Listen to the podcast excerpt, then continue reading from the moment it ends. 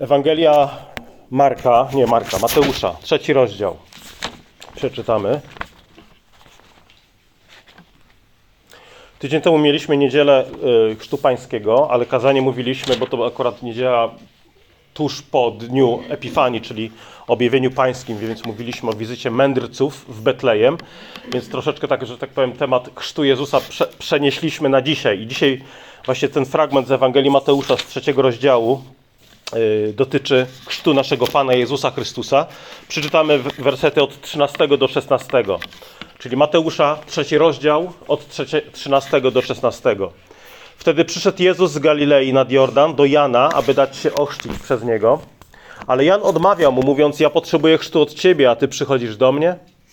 A Jezus odpowiadając, rzekł do niego: Ustąp teraz, albowiem godzi się nam wypełnić wszelką sprawiedliwość. Wtedy mu ustąpił. A gdy Jezus został ochrzczony, wnet wystąpił z wody i oto otworzyły się niebiosa i ujrzał Ducha Bożego, który zstąpił w postaci gołębicy i spoczął na nim. I oto rozległ się głos z nieba: Ten jest syn mój umiłowany, którego sobie upodobałem.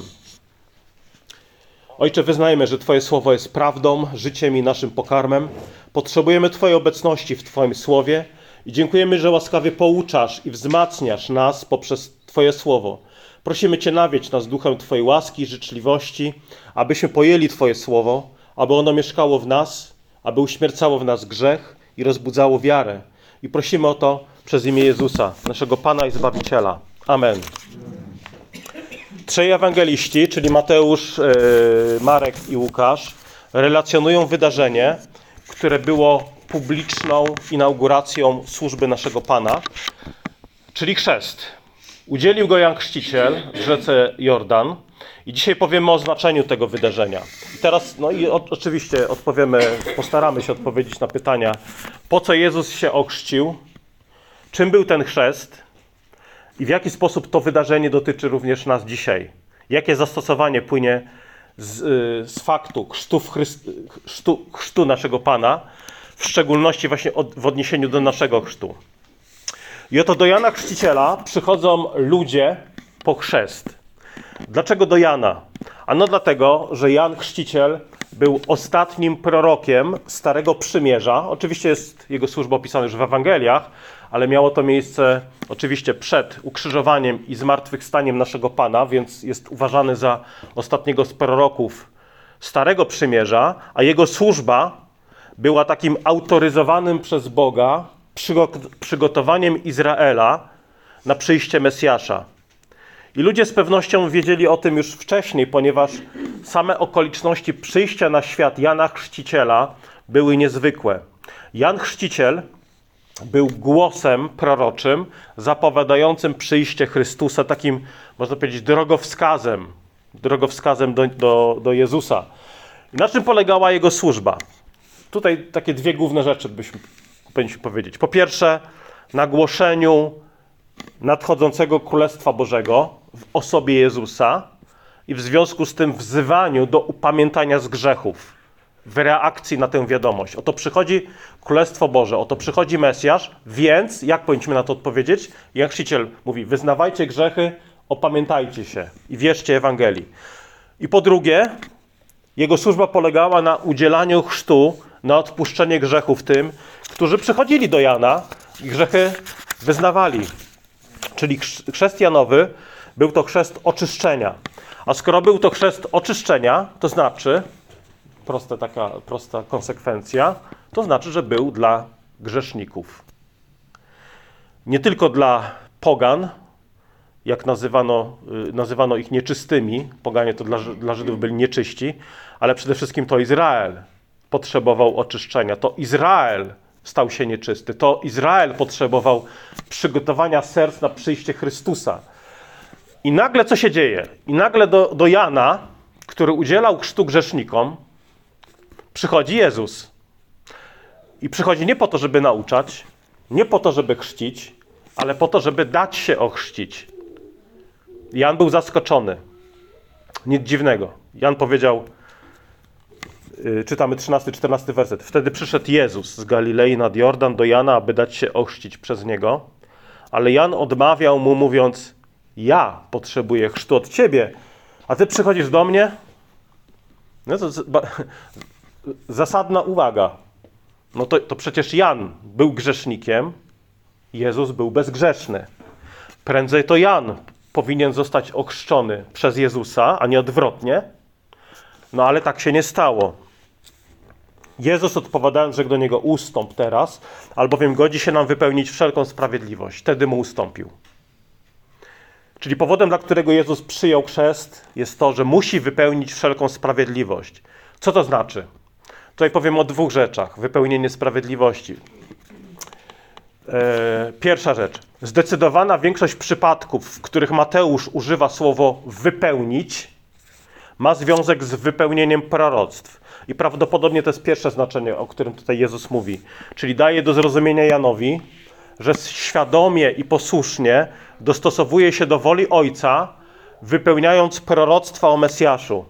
Na początku swojego życia, kiedy Jezus się urodził w Betlejem, wypełnił proroctwo o narodzinach Mesjasza w Betlejem, nie mając żadnej ludzkiej świadomości osoby dorosłej, że wypełnia proroctwo, ale to się stało, wypełnił proroctwo. Natomiast teraz przychodzi, mówię o Jezusie, jako ten, który świadomie i celowo realizuje plan proroków, przyjmując chrzest i rozpoczynając publiczną służbę. No i został ochrzczony. Został ochrzczony przez Jana. Biblia, co, ciekawe, Biblia nie podaje nam y, y, szczegółów, jak ten chrzest wyglądał. Biblia y, nie mówi, w jaki sposób się odbył, a mimo to są chrześcijanie, dla których sposób udzielania chrztu przez, dia, przez Jana Chrzciciela stanowi główną linię argumentacji za koniecznością chrztu przez zanurzenie. Niektórzy uważają, że Jan musiał chrzcić przez zanurzenie, całkowite zanurzenie w wodzie, więc my musimy też chrzcić dzisiaj przez całkowite zanurzenie. I w jaki sposób e, niektórzy bracia ewangeliczni chrześcijanie dochodzą do wniosku, że to musiało być zanurzenie? No, e, w tym urywku jest powiedziane, że Jezus został ochrzczony i takie, takie stwierdzenie, wnet wystąpił z wody. Został ochrzczony i wnet wystąpił z wody. Czyli mówi się, że skoro wyszedł z wody, to znaczy, że musiał wejść do tej wody głęboko.